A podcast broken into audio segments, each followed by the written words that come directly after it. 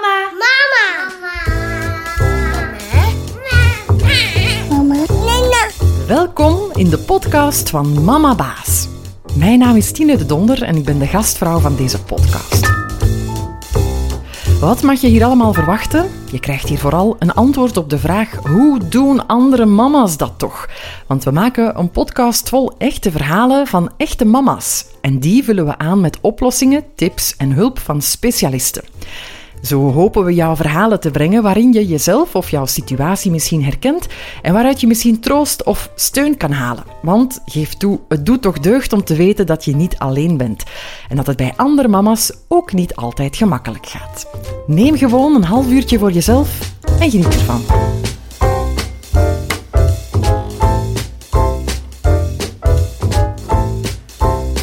Vandaag gaan we het hebben over premature baby's. Baby's die te vroeg geboren worden dus. Welke gevolgen heeft dat voor een baby en hoe anders ontwikkelt die zich buiten in plaats van binnen de baarmoeder? En wat komt er allemaal op jou af als ouder van een te vroeg geboren baby?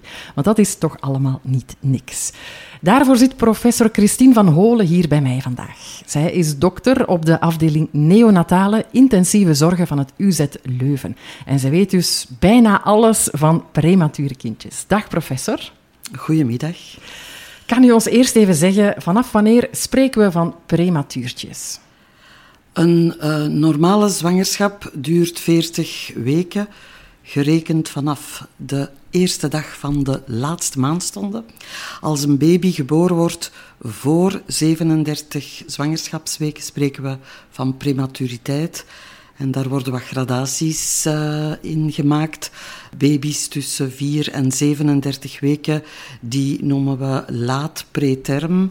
Daarvoor de very of de zeer preterme. En dan de extreem vroeg geboren kindjes zijn degenen die voor 28 zwangerschapsweken geboren worden. En zijn er in het algemeen veel baby's die prematuur geboren worden? Jammer genoeg ja. Uh, ik ik uh, werk ondertussen 30 jaar of meer op de neonatale afdeling.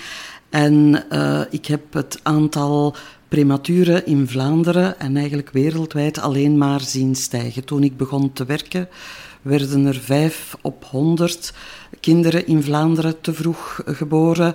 Nu zitten we bijna aan 8 procent. En hoe zou dat komen?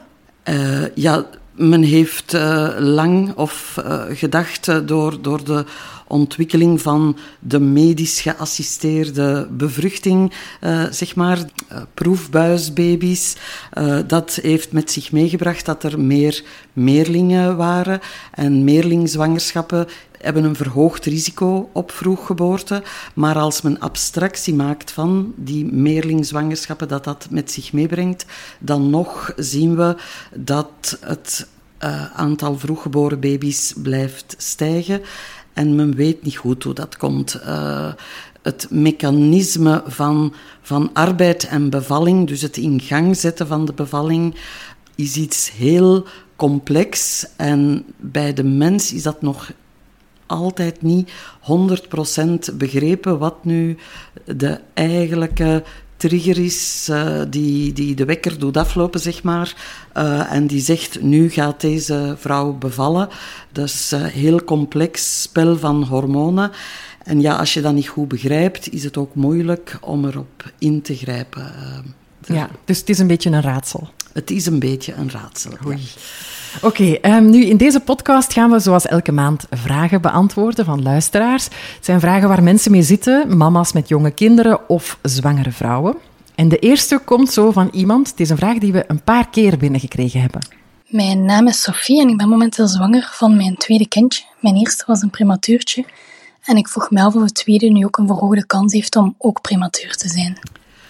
Uh, ja, het hangt een beetje af wat de reden was waarom uw vorig kindje te vroeg geboren is. Er zijn twee uh, grote groepen eigenlijk van oorzaken van vroeggeboorte. De groep waar de placenta minder goed werkt en, en dat zien we bijvoorbeeld bij, bij zwangerschapsvergiftiging. Maar dan hebben we ook nog een, een grote groep van onverklaarde vroeggeboorte waarvan men denkt dat er mogelijk een onderliggende ontsteking of infectie de arbeid en, en de vroeggeboorte in gang zet uh, eigenlijk.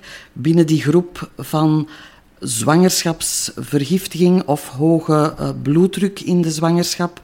Uh, daar zien we een herhalingsrisico, maar men zet daar nu toch volop op in om deze moeders al in de zwangerschap te begeleiden en te kijken of er eventueel een preventieve behandeling mogelijk is. Ja, maar er is dus wel degelijk een beetje meer risico. Er is uh, globaal voor de groep van moeders die al eens te vroeg bevallen zijn een verhoogd risico bij een volgende zwangerschap. Ja, u zei het daarnet al, hè, er is een verschil tussen extreme prematuren en andere prematuren. Mm -hmm. En daar heeft deze mama een vraag over. Hoi, um, ik ben op 35 weken bevallen van een dochter. Um, zij is dus eigenlijk een randprematuurtje, um, maar daar is heel weinig informatie over te vinden en dat geeft me soms een beetje het gevoel van imposter syndrome, alsof ze geen echte prematuur is. hoe komt het eigenlijk dat daar zo weinig informatie rond te vinden is? Ja, heeft deze mama gelijk? Is er weinig over te vinden? De, de opmerking van uh, deze mama is, is heel terecht. Uh, we hebben te lang uh, gefocust op, op het kleine niche van extreme uh, prematuren en, en kinderen die, zoals de baby van mevrouw, wij heten dat nu laat preterm geboren zijn. Dat betekent na 34 weken. Die werden heel lang als bijna op tijd beschouwd. En ja, men draaide daar bij wijze van spreken zijn hand niet voor om. Maar uh, dat gaat wel om een hele grote groep van vroeggeboren kinderen.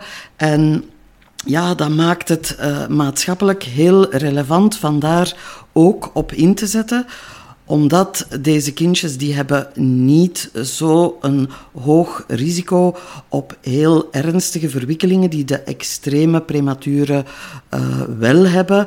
Die hebben ook geen hoog risico op overlijden. Die hebben bijna 100% kans om te overleven. Maar die kindjes zijn en blijven te vroeg geboren. En dat vertaalt zich in een heel jong drinkgedrag. Dus uh, als die bij de mama op de kraamafdeling uh, kunnen blijven, dan loopt de borstvoeding, uh, geven vaak niet zo optimaal. Kindjes gaan veel gewicht verliezen, gaan geelzucht vertonen, gaan nog stiller en suffer worden en, en minder goed drinken. En je komt dan in een vicieuze cirkel die niet hoeft. dus gaandeweg komt er meer en meer aandacht voor deze kinderen. En, en uh, ja, ik hoop dat mevrouw in de nabije toekomst daar uh, meer informatie gaat over vinden. Uh, ja. We gaan daar zeker op inzetten. Dat is een hoopvolle boodschap. Nu, u sprak er zelf al van en we kregen er ook heel wat vragen over. Dat zijn de gevolgen van een vroeggeboren kindje. Gevolgen op latere leeftijd. Ik heb zo'n heel aantal van die verhalen of vragen. En ik ben heel benieuwd naar uw feedback. Dit is het eerste verhaal en dat is een kindje dat u kent. Hallo, dokter Van Holen. Um, u hebt onze Victor altijd opgevolgd gehad. Um, hij werd geboren op 27 weken en 5 dagen zwangerschap in 2019. Hij doet het heel goed over het algemeen, alleen zijn spraak lijkt een beetje achter te staan. Hij zegt eigenlijk nog niet echt heel veel op enkele woordjes na en er komt ook niks nieuws bij. Is dat iets dat normaal is bij extreem prematuur geboren kindjes? Dankjewel. Kent u het kindje nog? Ik ken uh, Victor uh, zeker en, en uh, meneer en mevrouw ook. ik ben blij dat Victor het goed stelt. bij, bij vroeggeboren kindjes, en, en Victor was extreem vroeggeboren, moet je eigenlijk corrigeren voor, voor de vroeggeboorte. Uh, dus de mijlpalen die, die kinderen zetten in hun ontwikkeling, en met mijlpalen bedoel ik zitten, staan, gaan, kijken, grijpen, de fijne motoriek, maar ook de, de spraakontwikkeling, uh, die gaat ja, het aantal weken dat de baby te vroeg geboren is, tijd nodig hebben, extra tijd nodig hebben om dat in te halen. En voor de niet extreem vroeggeboren kinderen geven we tijd om de achterstand, uh, wat het eigenlijk niet is. De, de, de, kindjes zijn nog aan het uitrijpen, zeg maar. Uh, geven we tijd om, om dat in te halen tot de leeftijd van twee jaar. Op twee jaar verwachten we dat ze gelijk opgaan of, of eenzelfde ontwikkelingspeil hebben als leeftijdsgenootjes die op tijd geboren zijn. Voor de extreem vroeg geboren kinderen, zoals voor Victor, mag je zelfs tot twee jaar en een half de tijd geven. Nu, wat de, de spraakontwikkeling betreft, wij, wij hebben een uh, nieuwe afdeling sinds 2014, waar de, de ouders en de baby individuele familiekamers hebben, uh, zeg maar. En dat, dat is ingegeven door, door vele.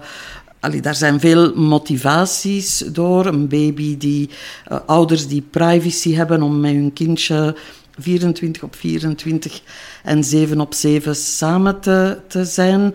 Uh, ja, dat maakt de interactie met de ouders rijker.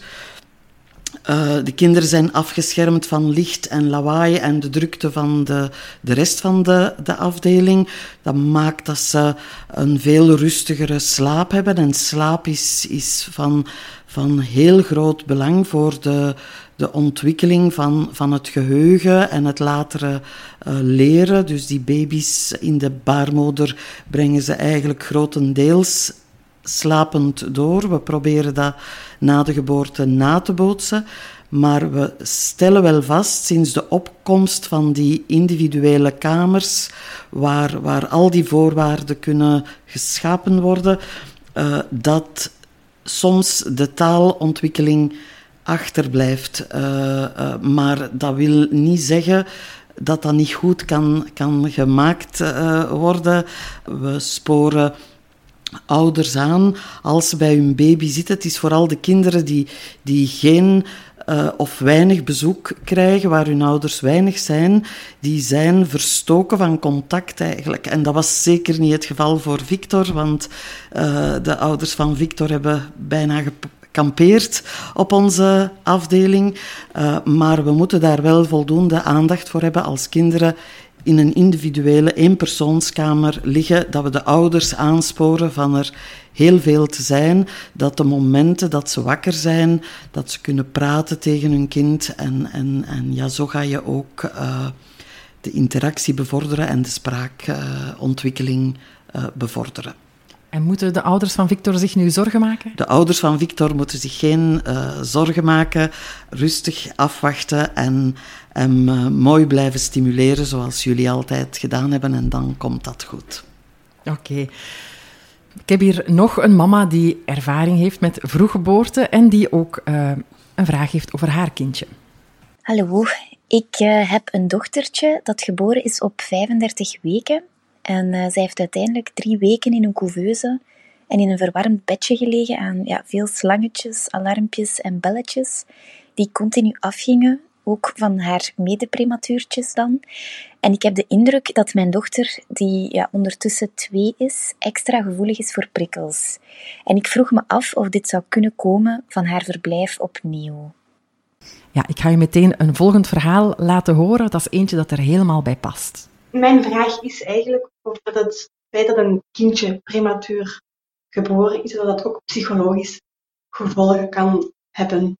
In vier jaar, ze slaapt heel slecht. Ze schrikt ook heel hard. Ze is ook heel bang van bepaalde dingen. Ze heeft ook zowat verlatingsangst. is graag bij mij.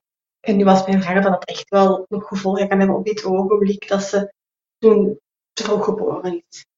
Dankjewel. Ja, professor. Kan die op dat moment nog gevolgen hebben van die vroeggeboorte? Ik denk het uh, wel. In het eerste geval uh, spreekt mevrouw van een baby die tussen uh, allerlei toeters en bellen lag, ook van, van de andere kinderen.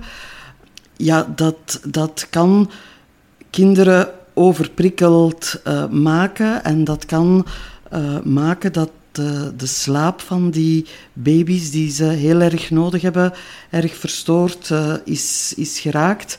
Dat is ook waarom ik daar straks zei dat wij geëvolueerd zijn naar uh, individuele kamers. Een single family room unit heet dat. we hebben de nieuwbouw zo opgevat, omdat ja, toch meer en meer duidelijk wordt dat in de vroegere constellatie lagen de meeste premature kinderen in wat we noemden een baai, een, een grote gemeenschappelijke ruimte waar kinderen worden blootgesteld aan het licht, het lawaai van iedereen, waar ouders geen privacy hebben. Er wordt de laatste jaren heel fel ook ingezet op kangoeroezorg, skin-to-skincare, huid-huid contact, omdat we weten dat dat de band eh, tussen ouder en kind heel erg ten goede komt en omdat dat ook het kind tot rust brengt en, en zijn ontwikkeling door de positieve ervaringen gunstig gaat beïnvloeden. Wel, we zagen in onze uh, dienst, uh, onze vorige dienst, dat heel veel ouders schroom hadden om open en bloot, zeg maar, tussen andere ouders in die kangoeroezorg te doen. Vaders vaak meer dan, dan moeders. dus we hebben een heel ander concept uitgewerkt om proberen een prikkelarme omgeving te maken die uh, de kinderen toestaat van zoveel mogelijk te slapen en die de kwaliteit van het contact tussen ouders en kind ten goede komen uh, als, ze, als ze kunnen rekenen op de privacy die, die daarvoor nodig is.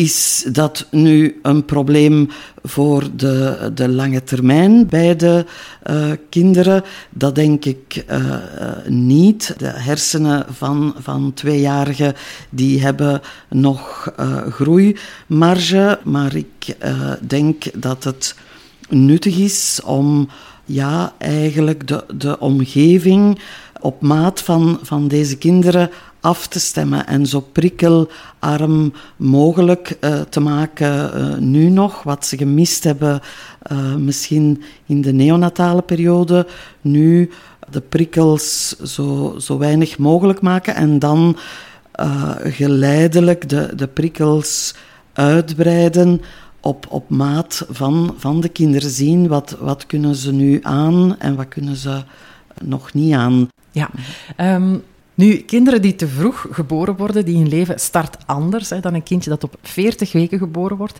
En deze mama heeft daar toch ook een vraag over. Absoluut, ja.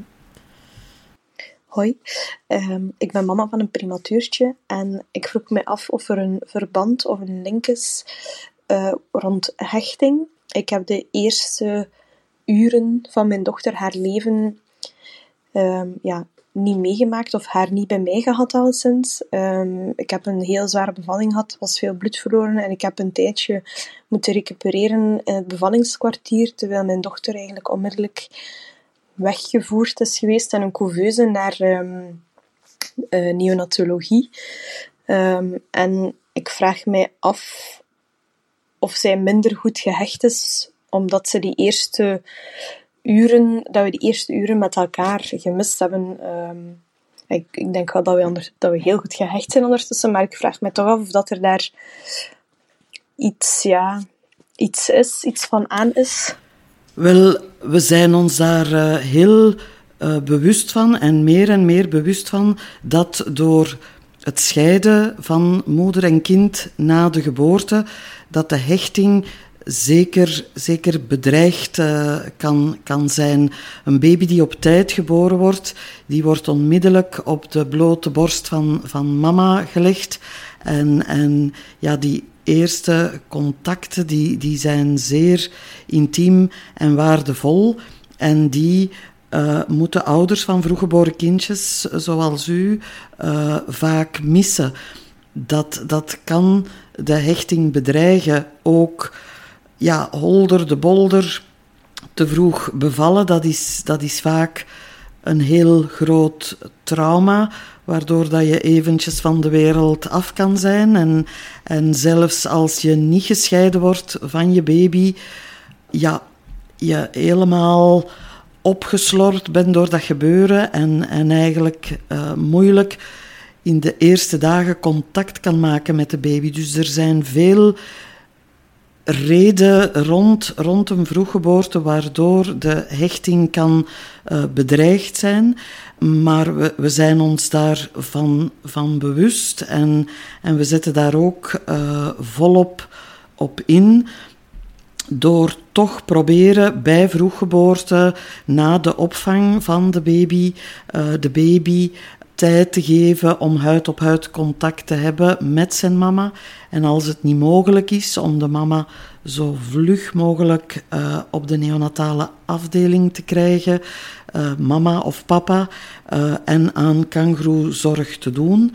En ja, bij mevrouw zijn die, die eerste uren in haar beleving wat verloren, maar als zij zegt dat ze nu mooi gehecht zijn, dan is dat mogelijk goed gemaakt door hechte contacten uh, nadien.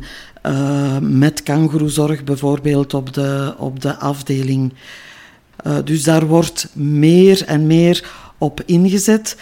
Dat zijn eerder recente inzichten, dat belang van, van hechting. In het begin van de zorg voor prematuur waren we, uh, dat is lelijk dat ik dat nu zelf zeg, maar tevreden als de kinderen overleefden, werd er heel veel ingezet op dat hoogtechnologische.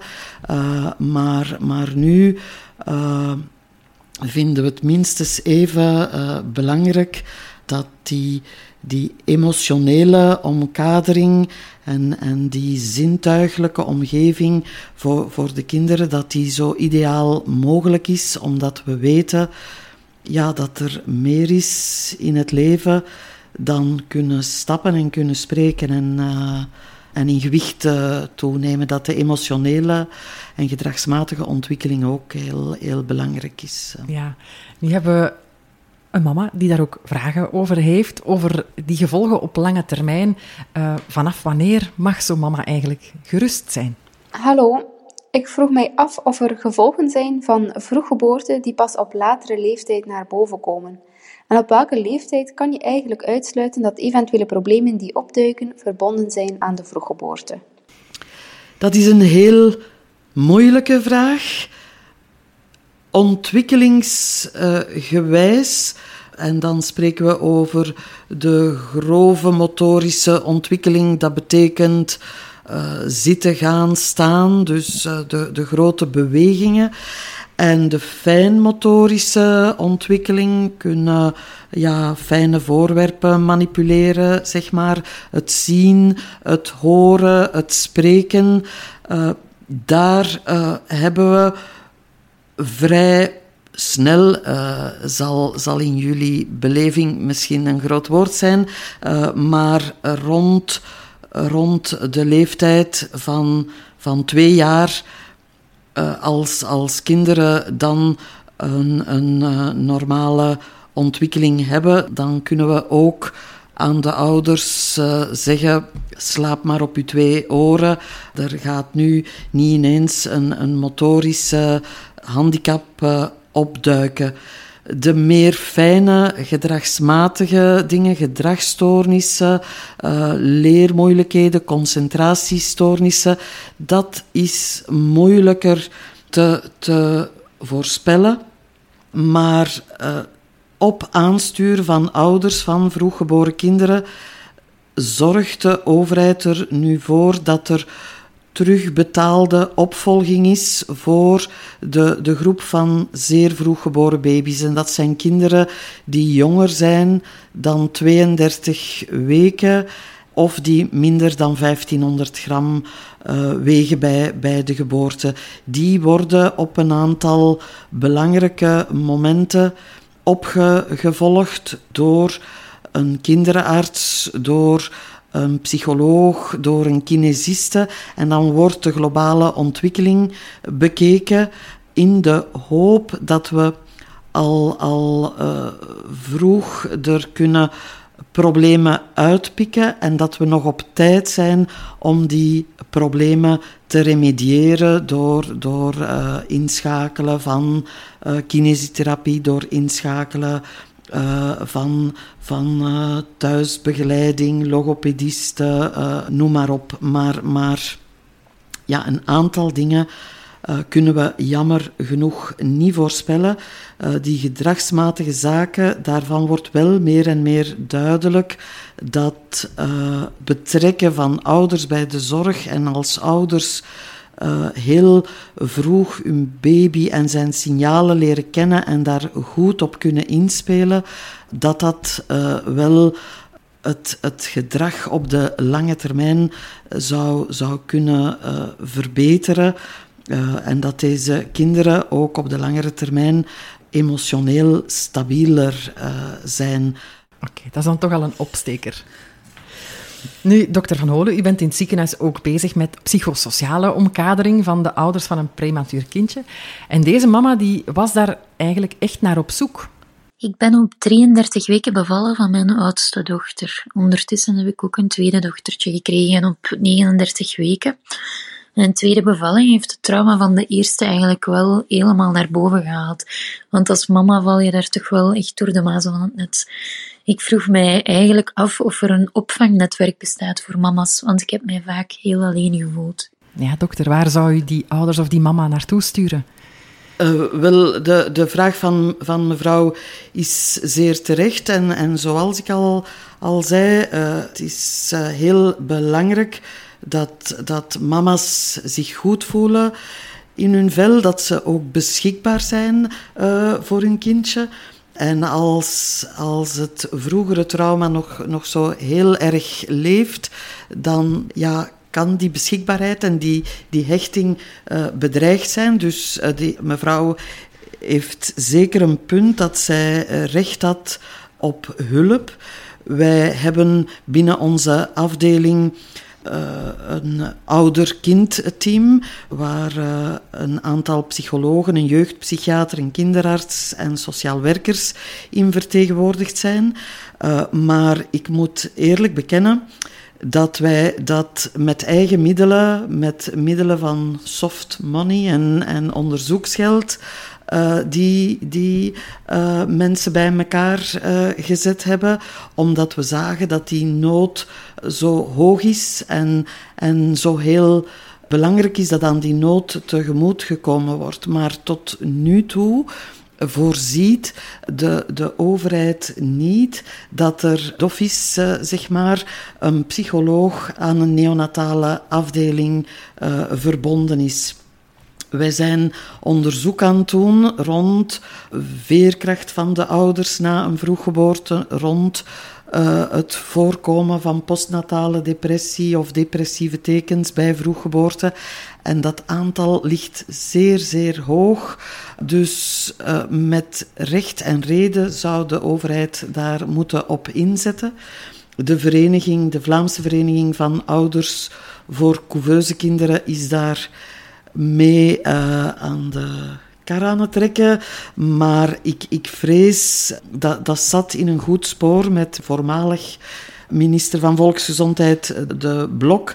Maar ik vrees dat dat nu door, door corona wat ondergesneeuwd is. Maar we laten dat zeker vanuit onze dienst niet los. We zijn ervan overtuigd dat het welbevinden van ouders even belangrijk is voor eh, de ontwikkeling van hun baby, de gezonde fysieke en emotionele ontwikkeling van hun baby even belangrijk dan de, de, de strikt medische zorgen die, die we leveren. Maar voorlopig doen we dat met uh, eigen middelen. Oké, ik hoor het is een wetenschap in volle ontwikkeling. Absoluut. Ja, dus een wetenschap die, die er is, uh, maar er worden geen middelen ter beschikking gesteld om, om uh, ja, ouders uh, hulp uh, te bieden binnen de context van de vroeggeboorte of, of binnen de neonatologie, waar ook andere problemen ouders ja, onzeker kunnen maken of angstig kunnen maken of een trauma bezorgen. Daar is nog werk aan de winkel. Absoluut. Oké, dankjewel. Wij zouden hier nog uren kunnen doorpraten, denk ik, over prematuren. Er is nog heel wat wat we nog niet verteld hebben. En wie daar meer wil over lezen, die kan uw boek lezen. Klopt, ja. Ik heb uh, een paar jaar geleden een boek uh, geschreven. Mijn kind is te vroeg geboren. En daarin uh, komen ja, de medische problemen aan bod. Maar een heel groot stuk van het boek gaat ook over ontwikkelingsgerichte zorg. Dus over, over het afstemmen van de zorg op de signalen die de baby geeft, op de fase van ontwikkeling waar de baby zich op dat moment bevindt.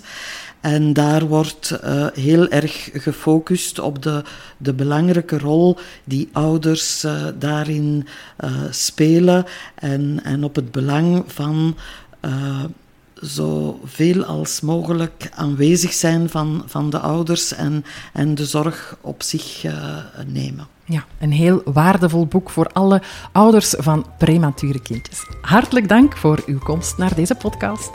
Graag gedaan. Je luisterde naar de podcast van Mama Baas. Interviews en montage waren in handen van mezelf, Tine de Donder.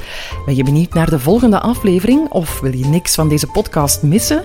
Surf dan zeker naar mamabaas.be. Of nog beter, abonneer je nu meteen op deze podcast. Dat kan je helemaal gratis doen via Spotify of via een andere podcast-app.